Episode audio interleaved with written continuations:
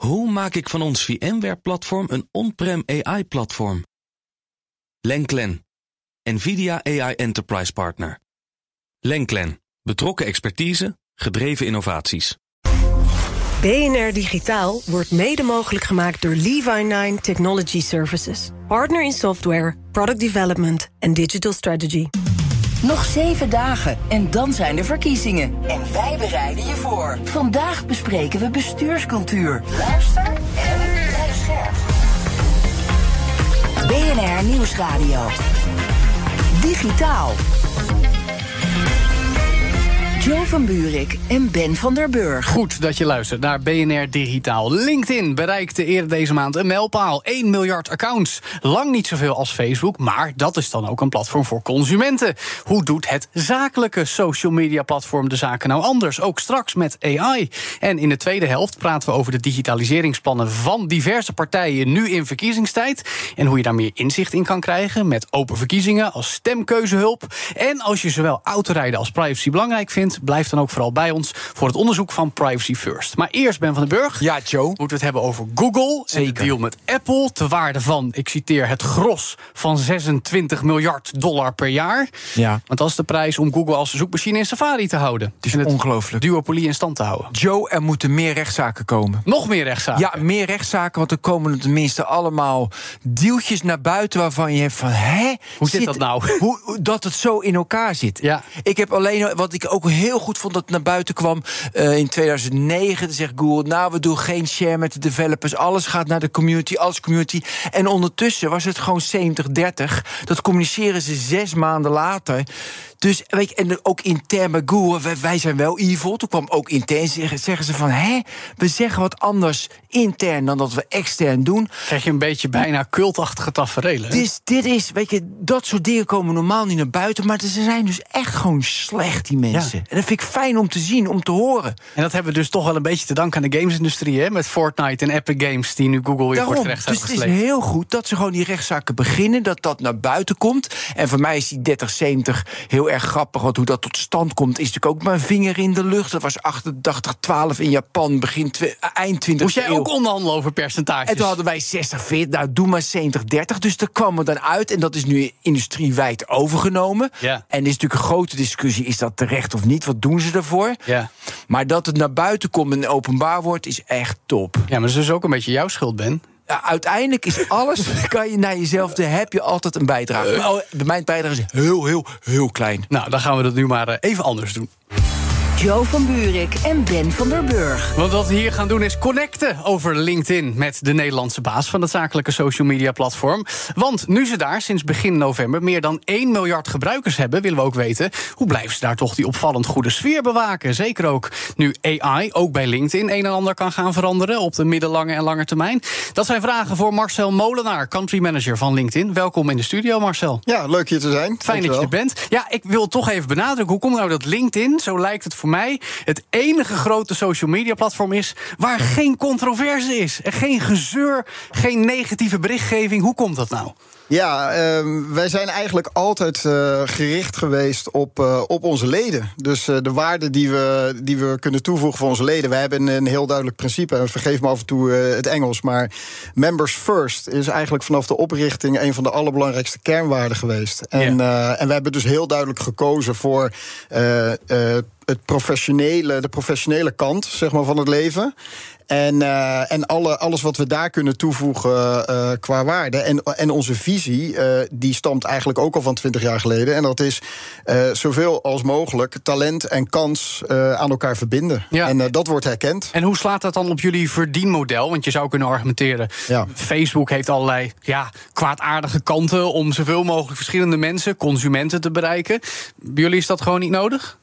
Uh, nou, wij, wij zijn er heilig van overtuigd dat, dat dat doing business en, en doing right, dat dat gewoon samen kan gaan. Dus, uh, maar in de eerste plaats, en dat is natuurlijk wel belangrijk, heb je dan wel die members nodig. Ja. Dus het is voor ons heel belangrijk dat wij een platform hebben waar mensen uh, zeg maar kansen kunnen benutten. Ja. Uh, want zodra ze uh, een kans benutten of meerdere kansen benutten, dan zijn ze fan, dan blijven ze ook. Ja. En daar kan je uiteraard uh, ook nog een businessmodel opbouwen zonder aan de zakelijke je, kant. Zonder dat je hun data nodig hebt om nog meer gepersonaliseerde, gepersonaliseerde advertenties te tonen, bijvoorbeeld? Nou, wat, wat daar eigenlijk heel belangrijk is, en dat is ook al iets van best lang geleden. Wij hebben eigenlijk vanaf het begin, uh, vanaf het begin zeg maar, dat dat uh, uh, zijn opgeld deed, hebben wij heel duidelijk ervoor gekozen om onze leden al heel veel controle te geven over hun eigen data. En Mhm. dat zit in de settings. Heel veel mensen die, uh, uh, die zijn daar vast wel eens geweest op hun eigen profiel. In die geven zelf aan wat ze wel en niet goed In privacy settings, ja. En daar staan, staan ongelooflijk veel schuifjes die je aan en uit kan zetten. Dus die controle die zit bij ons eigenlijk ingebakken in het platform. Ja, maar dan moet bij default moet het dan wel heel, veel, heel erg privacyvriendelijk zijn. Want anders, want niemand gaat daar naartoe. Nee toch? Dus ja. bij default. Maar goed, het is ja. natuurlijk de functie, toch? Het is de functie van oorspronkelijk. Het is wie je bent, je cv en, ja. en, je netwerk. Ja, en je netwerk. Dus dat is de kern. En het is niet de kern van dat ik ga vertellen wat ik vind. Nou, dat wordt wel anders nu de laatste tijd. Maar toch, het is, de kern is anders. Ja, de, de, de kern bestaat eigenlijk uit drie dingen. Wat je ziet is dat het hebben van een professionele identiteit... Uh, is voor heel veel mensen die werken enorm belangrijk. Hè? Om, om uh, te zoeken, maar ook om gevonden te worden. Dus dat is heel belangrijk. Tweede aspect is het netwerken, dat is heel belangrijk. Want je, uh, ja, je kan feitelijk alleen maar succesvol zijn... Ja. met behulp van anderen of via anderen of door anderen.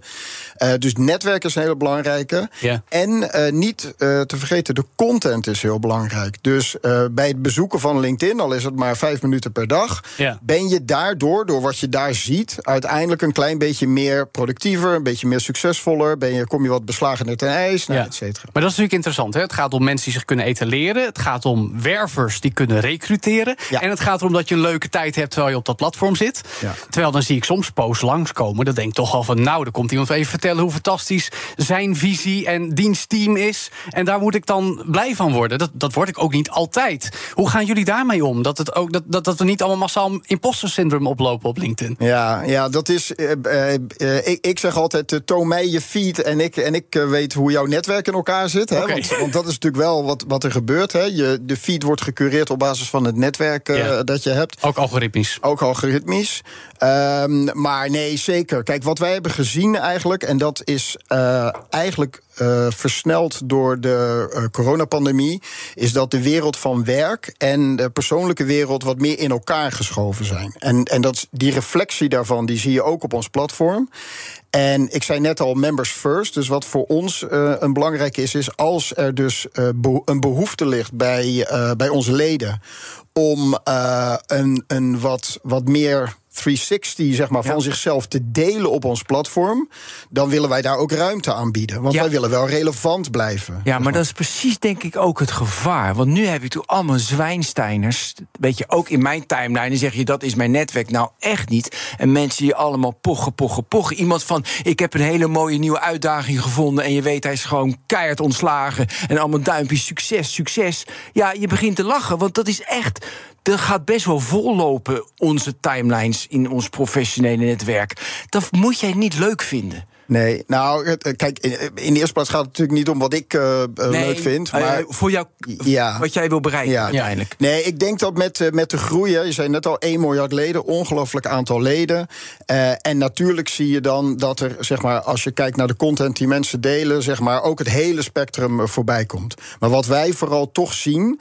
Eh, en dat is, eh, ik, ik weet niet of jullie eh, dat weten, maar je moet je voorstellen dat er elke minuut eh, 140 mensen via LinkedIn solliciteren, waarvan er zes een baan vinden. Internationaal of in Nederland? Internationaal op ons platform. Hè? Ja.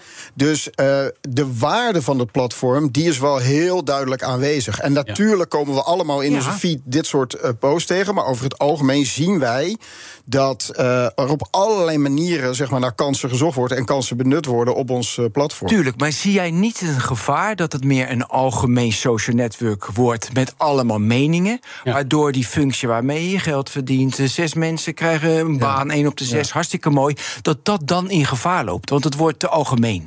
Het wordt te veel mening. En dan denk ik, mwah. dat zie je niet in de cijfers dus. Nee, dat zien wij En je niet. ziet het ook niet als gevaar. Nee, wij zien dat niet, als, wij zien dat niet in de cijfers en, en ook niet als gevaar. We zien het eigenlijk. Nee, we zien het eigenlijk eh, eh, eerder als kans. Ik bedoel, eh, eh, per minuut komen er nog steeds vijf leden bij. Eh, dus het groeit ook nog enorm. Ja. En eh, ja, ik, ik, ik zie op allerlei manieren, ook in mijn feed en ook in die berichten die ik krijg, dat er heel veel mensen zijn die, die zeggen: Ja, ik heb gewoon heel veel aan LinkedIn als het gaat om mijn werkzame leven. Ja. Dus- Ja, Marcel, ehm, je vertelde net dat je helemaal los bent van Microsoft. Terwijl het natuurlijk, eh, ja, het is een onderdeel van mij, maar je staat helemaal los. Ja. Wat zijn jouw keiharde KPI's? Waar word jij nu op afgerekend? Zijn jouw targets? Targets, wanneer krijg je je bonus? Ja, ja hele goeie. Nou, we hebben, eh, zeg maar, als je kijkt naar, naar de belangrijkste KPI's die wij hebben, is natuurlijk groei van het netwerk. Dat is een hele belangrijke. Maar die vlakt af uiteindelijk, want Nederland, heel Ja. Nederland zit erop. Hoeveel Dus- Nederlanders zitten er op LinkedIn? Ja. 10 miljoen op dit moment. 10 miljoen, Ja. meer dan de helft van de bevolking. Ja, ja, Zo. ja. En, eh, Maar niet engagement bijvoorbeeld, dat ze terugkomen? Ja, dus eh, ik was er nog niet. Oh, hè? Dus we hebben niet alleen die leden nodig, maar we hebben ook eh, KPI's op eh, zeg maar wat ze dan noemen engagement. Dus dat is ook een hele belangrijke.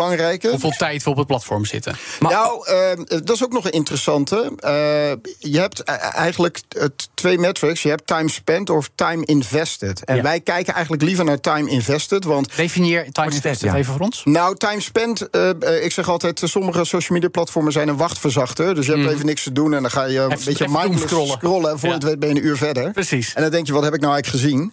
Dat zie je op LinkedIn niet. Mensen gaan over het algemeen naar LinkedIn om iets te investeren. Ze willen even, eh, ze hebben een afspraak en ze willen even opzoeken met wie heb ik eigenlijk precies die afspraak. precies. Ja, precies. Eh, of eh, ze zien een, een alert, een notification van, van, van iets of iets dergelijks. Dus dat is eigenlijk time invest. Dus dat is voor ons heel belangrijk. En over die engagement gesproken is natuurlijk ook de bijdrage. Die, die, dus de tools die we introduceren voor mensen om iets te delen uit hun professionele wereld of iets te vragen aan de community. Dus Ja. dat is ook een belangrijk. Dus dan heb je zoveel. Hoeveel, hoeveel monthly active users heb je? Want je hebt 10 miljoen mensen die zitten erop, maar hoeveel active per maand? Ja, dus op, op dit moment. Ja, kijk, wij hebben eh, zeg maar global stads en, Nee, eh, en de local stads. even ja, en we zitten in, eh, in Nederland, denk ik, zitten we zo tegen de, ik denk 5,5, 6 miljoen. Actieve Nederlanders Ja. op En dus je. KPI Ja, is maar dan. dat is, sorry, moet ik nog even duidelijken. Dat is monthly active. Dus Yes. dat wil niet zeggen dat er een deel niet actief is, maar Nee, het gaat over Nee, monthly active. Ja, nee, Ja, dat, snappen we. Oké, Ja. Eh, Oké, en die moeten dan ook dus iets, die moeten dan iets posten. Dus heb je een percentage, moet dan posten van die 6 Nou miljoen. ja, je moet niks, maar. Nou, maar dat wil je ja. graag, want dan krijg je je bonus. En,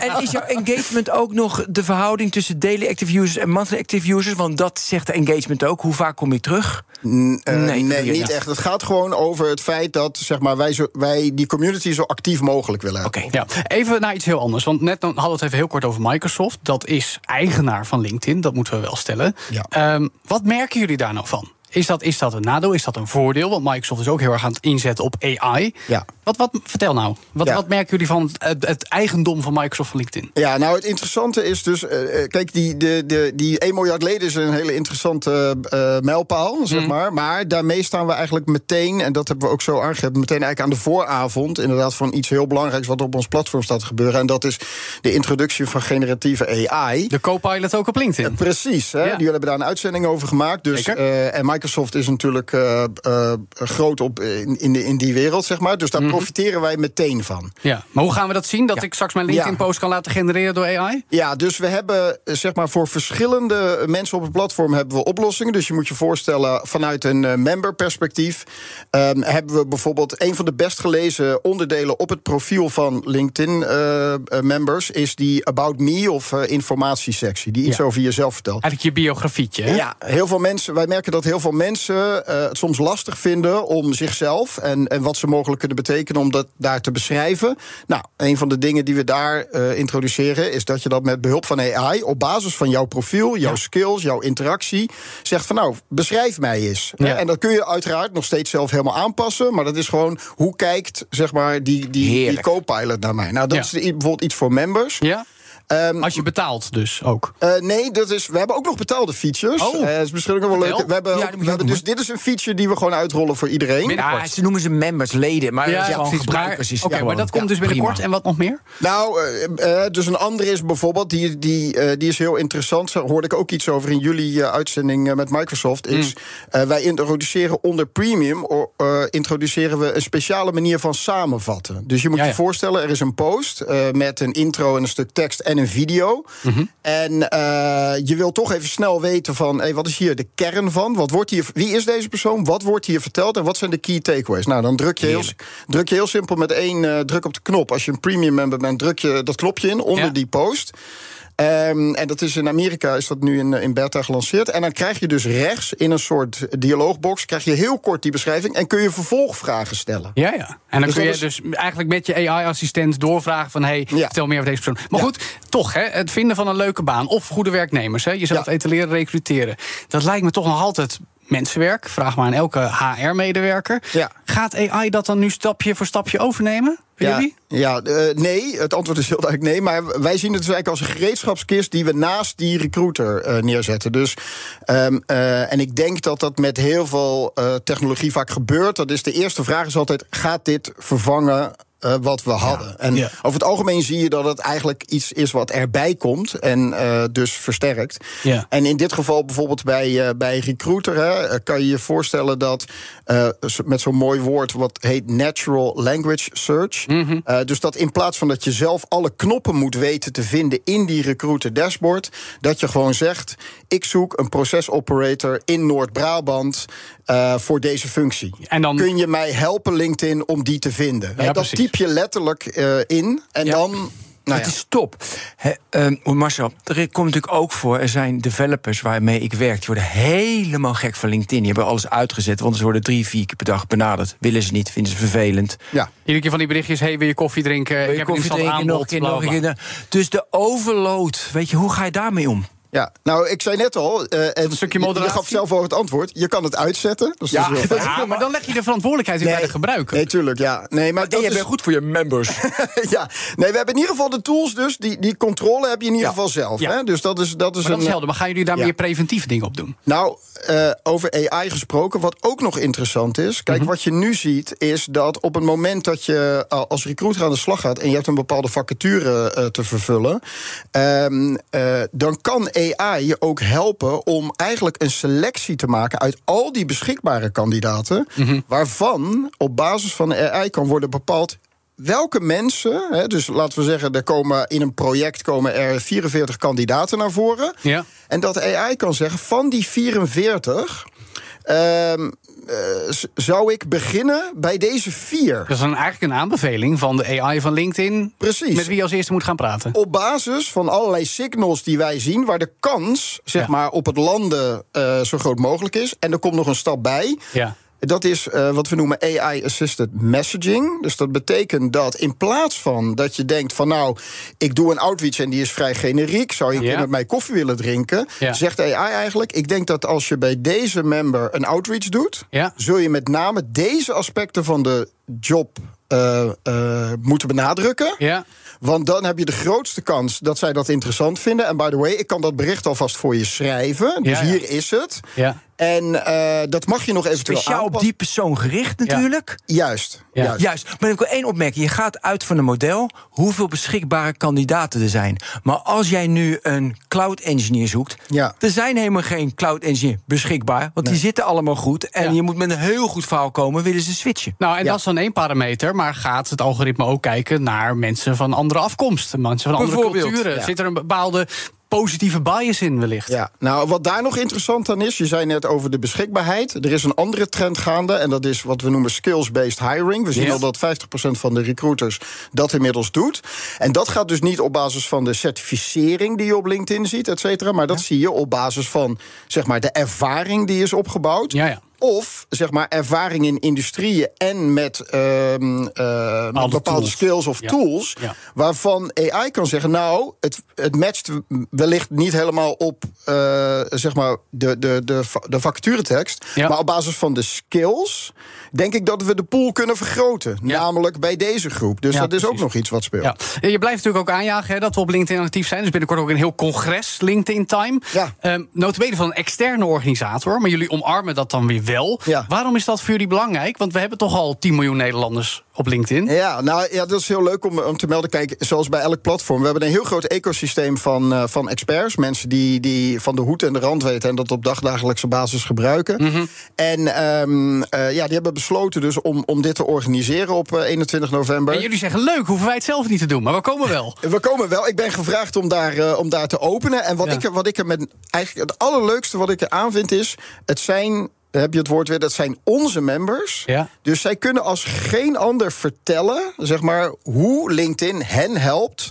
Uh, in het doen van zaken, in uh, recruitment, in het doen van sales, in het neerzetten van je merk op LinkedIn. Dat zijn allemaal, hè, zoals je zo kunnen zeggen, first person perspective. En Ja. dat is wat wij zo leuk vinden. In plaats van dat wij van WC Eend Ja, ja, eh, dit verhaal gaan vertellen. dus ik. daarom eh, v- vinden wij dat zo leuk. Allemaal mooie voorbeelden, goede reclame voor jullie. Tot slot wil ik dan weten, misschien ook een tipje van de sluier voor dat evenement waar sommige mensen heen gaan. Wat is nou het geheim van een goede LinkedIn-post? Dat Ben en ik in ons programma ook wat meer gevonden gaan worden? Ja, ehm het is een veelgestelde vraag. hè. Ehm, Makkelijk antwoord? Ja, nou, makkelijk antwoord. Ik, het is eigenlijk heel simpel. Het gaat eigenlijk heel erg over authenticiteit. Dus dat het echt vanuit jezelf is. Ja. Dat het relevant is voor de doelgroep. Dus relevant voor jouw netwerk. Dat Ja. is belangrijk. Interactie is belangrijk. Ik zie heel veel posts waar, waar mensen op reageren... waar dan geen reactie meer volgt. Mhm. Eh, dat zou ik echt aanraden. En tot slot, en dat, eh, daar, daar zie ik he- hele goede tractie op... is in plaats van dat je je post... stel eens een vraag. Ja, ja. Vraag Laten we is vertellen aan- hoe het is, vragen hoe mensen het vinden. Ja, want de meeste Niemand mensen... geeft antwoord. Dan, ze- dan bouw je echt. Ja, maar ik zie over het algemeen juist heel veel antwoorden. Op het moment dat je ergens mee worstelt, ergens niet uitkomt, eh et cetera, et cetera. Dus eh, kijk, het is nog wel een verschil tussen een heel verhaal en dan aan het einde zeggen: en wat vind jij? Ja, precies. In plaats van dat je authentiek zegt van nou, eh, ik ben freelancer eh, en mijn klussen, eh, zeg maar, mijn agenda is voor de komende periode, et cetera, et cetera. En ik zou Ja. heel graag. En dan, ja, Ja, en het Dan de vraag, precies. Nou, dat, dank in elk geval voor deze tip. En het hele verhaal over eh, hoe LinkedIn er nu voor staat. Dankjewel, Marcel Molenaar, country manager voor LinkedIn. Straks in BNR Digitaal. Eh, er staat toch echt wel wat digitalisering in de verkiezingsprogramma's van politieke partijen. Maar hoe is de huidige situatie en sluit dat wel aan? En overal naartoe gaan met- met je auto is een groot goed. Maar privacy is dat ook. Gaan die twee eigenlijk wel hand in hand? Dat hoor je zometeen. BNR Nieuwsradio. Digitaal. Joe van Buurik en Ben van der Burg. Welkom terug bij BNR Digitaal. Straks kruipen we achter het stuur met de privacybewuste pet op. Want hebben we wel genoeg oog voor wat au- automerken en hun leveranciers allemaal over ons weten?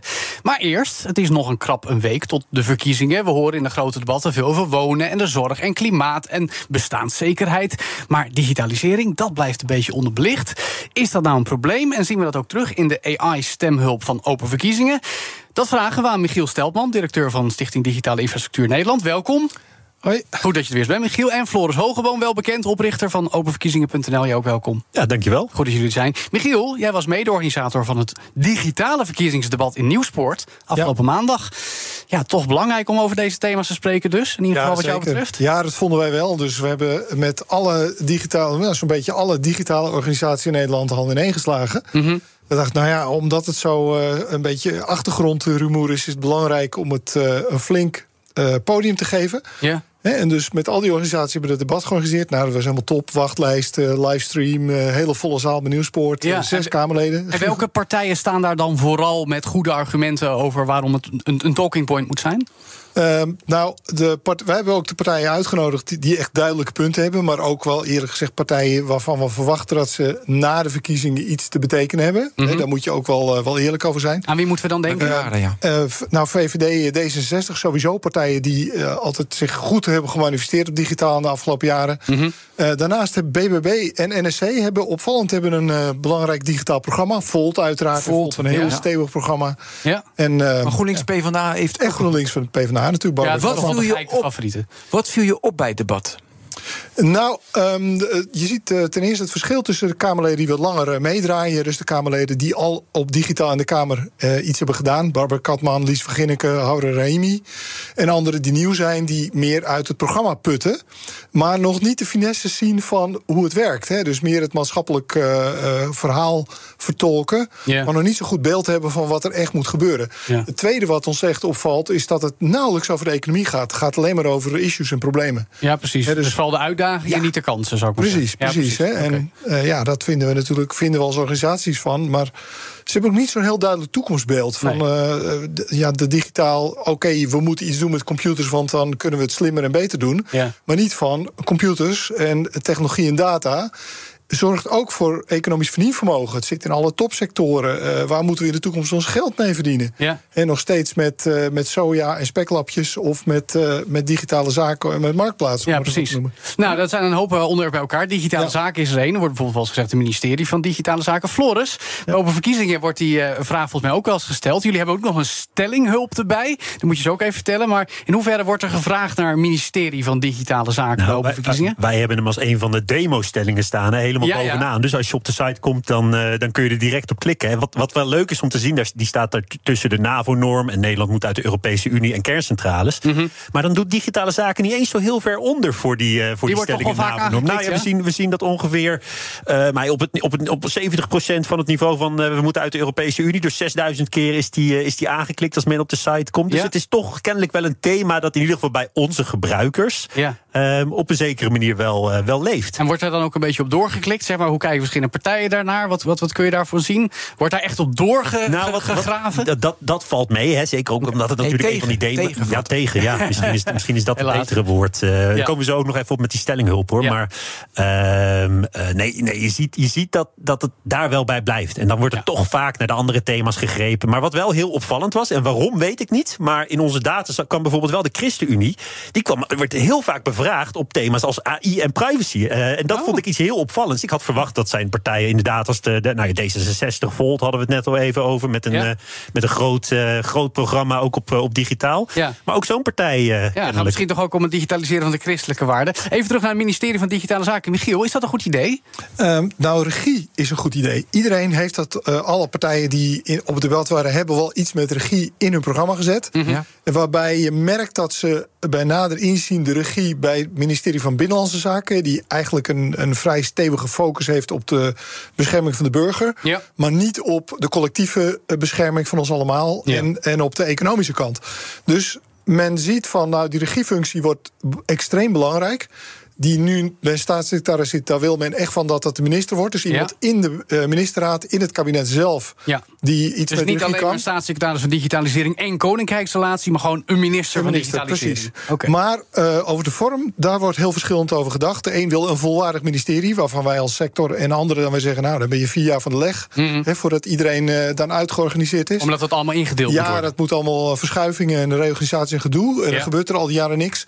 En anders, wij als sector en een aantal eh, van de partijen vinden dan dat het eh, best bij economische zaken het beste tot zijn recht komt. Want de kansen. Ja, want de kansenkant hè, die is ander, onderbelicht. Ehm, nou, daar wordt dus verschillend door de partijen over gedacht. Maar iedereen is het wel vereend dat die- dat regie moet, eh, verstevigd moet worden. Ja, Michiel, jij zegt de kansen zijn onderbelicht. Dan heb jij toch met je stichting en al die mensen die ermee bezig zijn...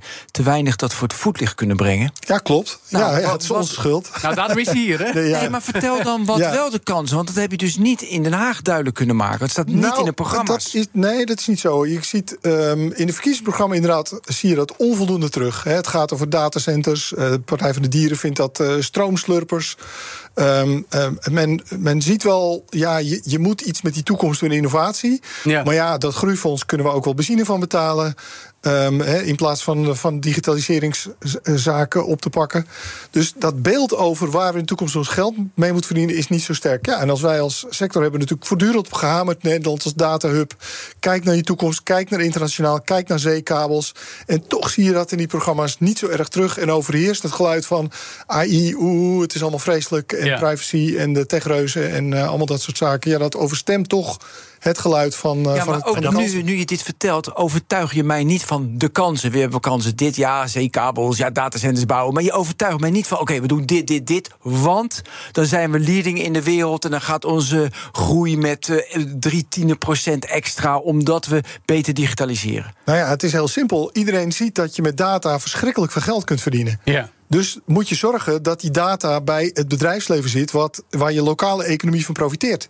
En die data moet ergens staan. Daar heb je voorzieningen voor nodig. Verbindingen, datacenters. Ja, nou, we merken alweer, het Zo maakt, is het. het maakt Ja. het ongelog. Floris, goed, ik moet Nou, jullie niet overtuigen. Het, het, het is nee. misschien ook heel lastig hè, om beleid te maken. erover? Nou ja, om, om beleid te maken op, ehm, eh, op die kansen. Ja, dat gaat vaak toch over investeringen. Dus we zien heel veel vragen over wel. Nederland moet investeren in AI. Nederland moet investeren in digitale technologie. En dan zie je bijvoorbeeld een partij als D66. Die zegt ja, het is, eh, ze benadrukken dat het goed is voor de economie. En Nederland koploper moet worden in waardegedreven AI. Die ingezet kan worden om de grote uitdagingen van deze tijd aan te pakken. Nou, prachtige zin. Maar Mooie zin. Ik denk, ik denk dat jij nog niet overtuigd bent, Ben. Dat jij denkt van nou, nu, dit gaan we doen. Je, ja, ik moet denken, ze moeten doorrekenen. Maar ja, dan krijg je. Weet je, het is natuurlijk ook lastig om dat allemaal door te rekenen. Ze proberen het wel, maar inderdaad, dat concreet maken is niet makkelijk. Nee, klopt. Ja, oké, dat is lastig. Maar toch, hè, eh, Michiel, dan moeten we kiezen tussen het elektrificeren van een busdienst of nog een datacenter erbij. En dan zou je zeggen, de keuze is toch makkelijk. Want heel veel partijen laten digitalisering links liggen en gaan voor andere thema's. Ja, dat zie je in deze verkiezingen. hè. De onvrede en korte termijn issues die overheersen. hè. Ja. Ik gaf net het voorbeeld al dat het groeifonds, eh, nou dat is optioneel, dat is leuk, afdeling leuk en aardig. Dat geld kunnen we beter inzetten om de burger een cadeautje te geven. En ik denk van ja, dan zit je toch een beetje te gokken met je toekomst. Want eh, met, met Schiphol of Tata Steel of eh speklapjes verkopen, gaan we over twintig jaar waarschijnlijk ons geld niet meer verdienen. Ja. En waar dan wel mee? Nou, Ja. het beeld van de diensteconomie, datagedreven. In eh, topsectorenbeleid zie je overal eh datagedreven, digitaal zie je in terug.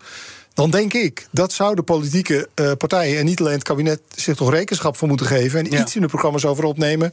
Van wat zijn de condities dan om over twintig jaar nog een leuke inkomen als Ja. Nederland te hebben? Maar het is toch opvallend, hè? Want we hebben jou vaker te gast gehad. Dan gaat het over aandacht voor digitalisering. Deze week is ook weer het ECP-jaarfestival. De Koning komt daar Ja, zelfs langs, heb ik gehoord. Dan heb je weer het toneel. Dan heb je alle mensen in Den Haag bijeen om weer te vertellen hoe belangrijk het is. En dan gaan ze toch weer naar huis en dan zijn ze het vergeten. Want thuis gaat het weer over bestaanszekerheid in de media. Of, of ben ik Nou, hebben het over de verkiezingsprogramma's. Je bent te cynisch, ja, want je hebt het over verkiezingsprogramma's. Ja. Ik zie op kabinetsniveau, met name bij economische zaken, is die sense of urgency wel degelijk aanwezig. Hè? Adriaanse in haar eh, visie op de toekomstige economie staat allemaal prima Dus het in. gaat er meer om hoe het in de samenleving in de samenleving en de vertaling daarvan naar de politiek. En Ja, de nieuwe partijen, nieuwe Kamerleden die eh, ja, net op wel of niet verkiesbare plek zitten. En, en in de programma's waar het niet op hoofdstuk 2 staat, economie, it's, it's Mm. the economy stupid, zeiden ze in Amerika, maar op hoofdstuk 6. Oh Ja. ja. we moeten ook digitaal er nog een beetje bij Maar schrijven. het is, het is misschien Dat ook is wel natuurlijk dat ja, men, men gebruikt een leuk appje op je telefoon. Men denkt, oh, dat draait ergens in de cloud. Ja. Nou, jij, jij weet wat de cloud, eh, de cloud is, zeg maar. Die staat hier ergens in Amsterdam. eh Amsterdam Oost staat geloof ik een hele hoge toren eh, waar, waar de cloud in draait. Bijvoorbeeld. Ehm, maar dat, dat, ja, dat leeft ook niet bij mij, zeg maar. Ik denk ook van ja, nou ja, dat is niet, niet een sexy onderwerp waar je echt een, een verkiezingsdebat over kan, kan hebben. Nee, dat is eigenlijk met alle infrastructuur. Hè, moet je, eh, ja, je kunt wel zeggen Nederland eh, transportland. En dan zeggen, nou ja, distributiecentra vind ik lelijk. En wegen, dat hoeft ook niet zo. Je moet wel de consequenties van, van het beleid. En je ziet dat dat niet in de sweet spot van de, de maatschappelijke debat op dit moment zit. Dus dat Ja. is een uphill battle voor ons. En eh, ja, we moeten aan de bak. Tot slot dan, eh, Floris, die stemhulp, hè, of die, die stellinghulp moet ik zeggen. Stemhulp, ja, dat is in de stemhulp een stellinghulp. Gaat dat nog mensen helpen om nog betere vragen te stellen Nou, ik in de kreeg, ik laatste kreeg week? vorige week huiswerk van jullie mee. Hè? Dus de Ja. CPB-berekeningen. eh, Ja? zes, Oh ja, zes, en? zes keer gevraagd. Ja? Dus dat valt toch een beetje Kijk, tegen. langzaam. Dus dat, maar, ehm, eh, en die stellinghulp, nou ja, we hadden het vorige keer over... kun je dan verdiepen, zeg maar, kun je meer doorvragen? Ja. We hebben dat nu gemaakt. Dus mensen krijgen nu een suggestie onder... eh, Ik wil iets eh, weten over datacenters. Ik wil iets weten over datacenters. En dan krijg je Ja. prachtige stellingen over klimaat en, Ja. eh, en dat soort dingen. Maar we zien dat dat 15% eh, toename geeft... in hoe ver mensen doorvragen. Of mensen een tweede stelling eh, Ja. eh, in, invoeren.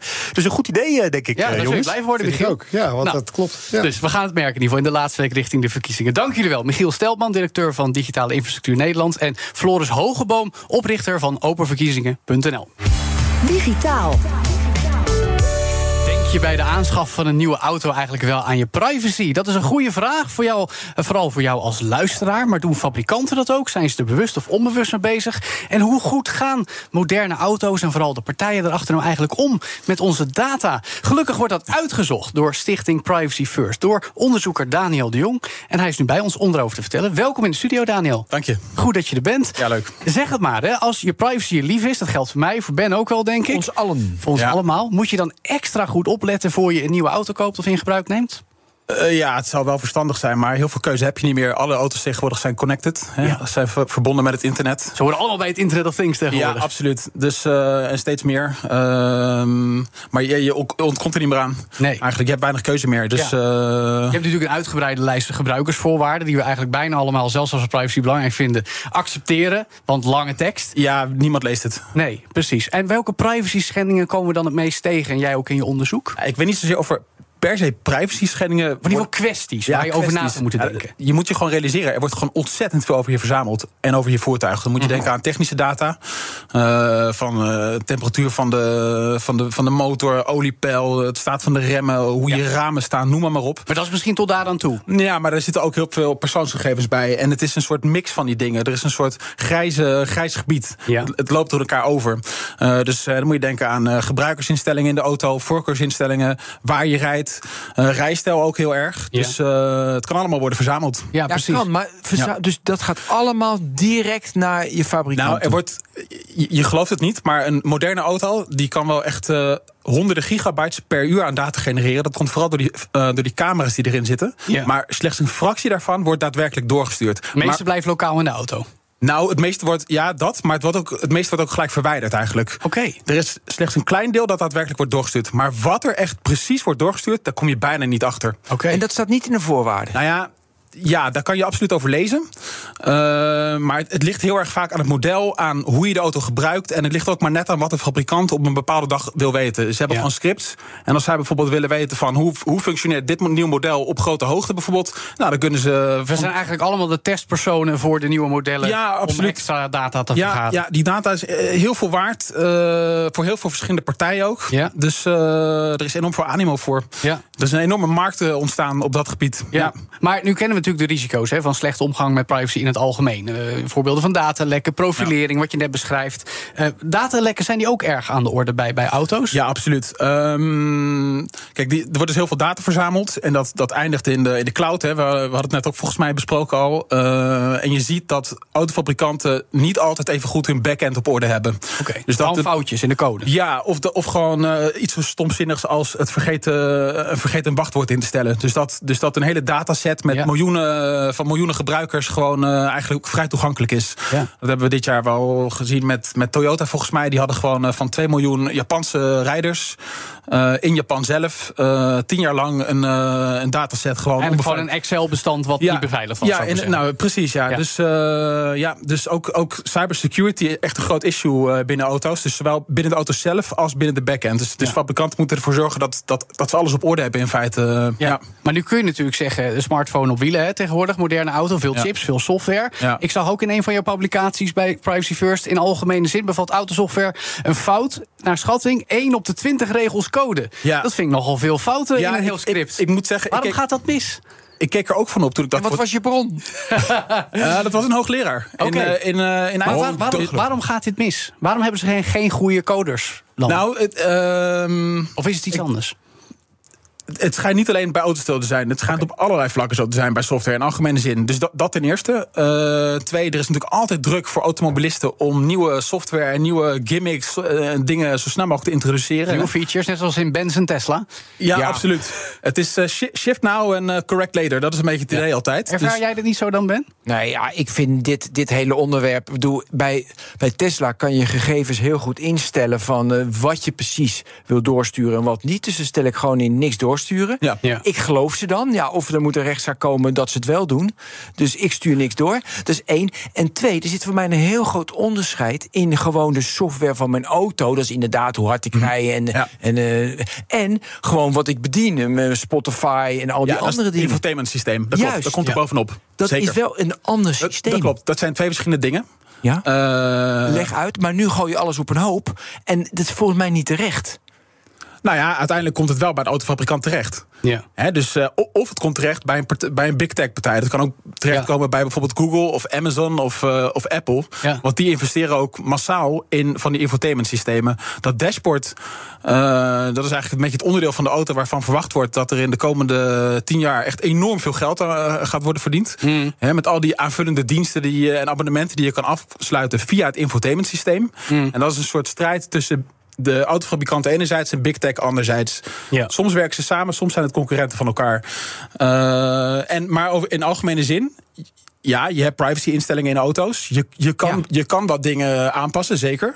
De mate waarin dat kan, dat verschilt, denk ik. Ja. Um, maar je zal nooit zien dat dat zeg maar menu 1 in de dashboard is of zo. Weet je wel? Je moet nee, er wel het zit echt, altijd verstopt, je moet in sommige apps op je Precies, smartphone. je moet er echt even goed naar zoeken. En uh, lukt het misschien het dashboard niet, dan kan je kijken in de app van het model dat je rijdt, weet je wel. Want vaak heb je een specifieke app van een Daar zit je handleiding dan in. Ja, daar zit, daar zit ook van alles in. En daar Ja. kan je het ook uh, hopelijk wel vinden, inderdaad. Ja, maar ik wil even met je doorpraten over die macht met de techreuzen. Hè? Want dan hebben we het over Apple en Google. Uh, uh, CarPlay, Android Auto. Ja. Dat is voor het infotainmentsysteem. Dan Ja. heeft Porsche onlangs bekendgemaakt... we gaan toch in zee met Google. Want de eigen uh, software-divisie is het gewoon niet. Volvo doet het al even. Terwijl aan de andere kant General Motors en ook Rivian... die willen juist af van die afhankelijkheid. Of die bouwen het zelf.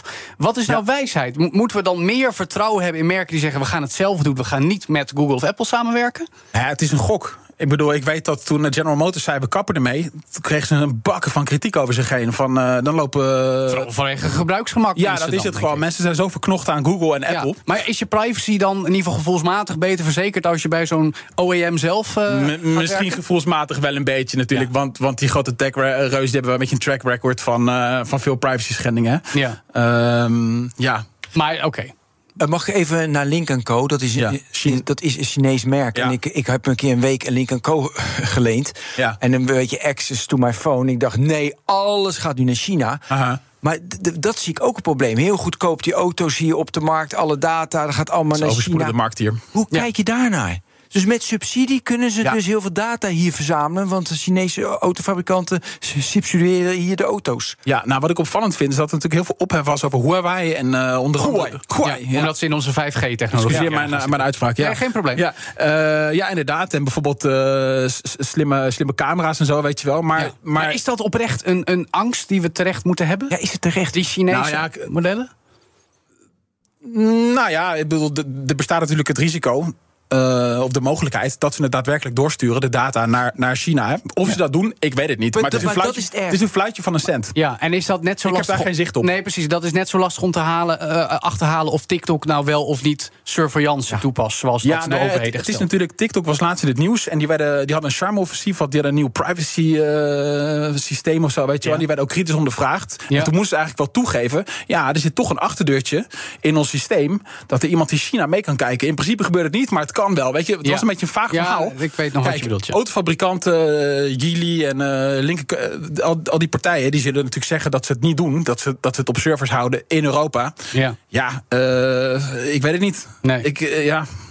Ja, dat is lastig. ik, vind, ik vind dat moeilijk. Het is gewoon heel moeilijk om, om, om die datastromen te trekken. Ja, dus eigenlijk zeg je het is allemaal heel erg ondoorzichtig. Dat blijft lastig. Ja. We moeten het ook niet alleen over Chinese merken hebben. Want een tijdje geleden ben in onze podcast Nexus hadden we nog over een onderzoek van Mozilla. Ja. Waarin bijvoorbeeld Kia uit Korea, Nissan uit Japan en Tesla uit Amerika er slecht uitkomen. Ja. Daniel, zie jij ook dat het is een beetje across the board? Het is niet per se één merk of één land die het verkeerd doet? N- Nee, maar wat je wel moet realiseren bij dat, uh, uh, dat onderzoek van Mozilla... Mm -hmm. dat had alleen betrekking op de Amerikaanse markt. En volgens mij hadden veel media die dat hier overname niet door. Nee, precies. En, en in Amerika bestaat überhaupt geen privacywetgeving. Dat, dat moet je goed voor ogen houden. Behalve in Ja. Californië. Die hebben nu een soort uh, iets vergelijkbaars zoals de AVG. Dat werkt Ja. volgens mij goed. Ja.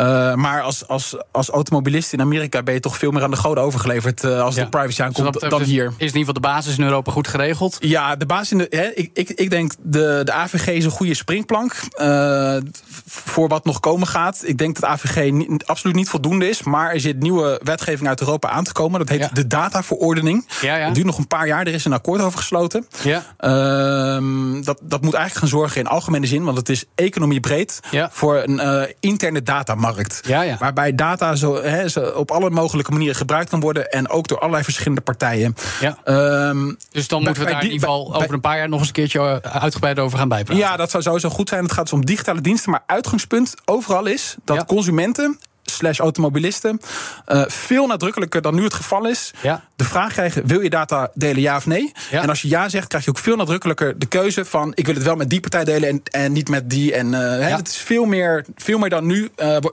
krijg jij de regie over de data eigenlijk. En, en daar ontbreekt het nu aan. Dat is in ieder geval een goed uitgangspunt. En dus gaan we je daar over een paar jaar sowieso weer over spreken. Dankjewel. Daniel de Jong, onderzoeker bij Stichting Privacy First. Tot zover BNR Digitaal. Ook altijd te beluisteren als podcast, net als on- al onze andere podcasts over tech. Zoals de Technoloog, Nexus en de Tech Update. Update. En volgende week woensdag weer een nieuwe BNR Digitaal. Dus zeg ik tot volgende week. Dag. BNR Digitaal wordt mede mogelijk gemaakt door Levi9 Technology Services. Partner in software, product development en digital strategy. Hoe maak ik van ons VMware-platform een on-prem AI-platform? Lenklen, NVIDIA AI Enterprise Partner. Lenklen, betrokken expertise, gedreven innovaties.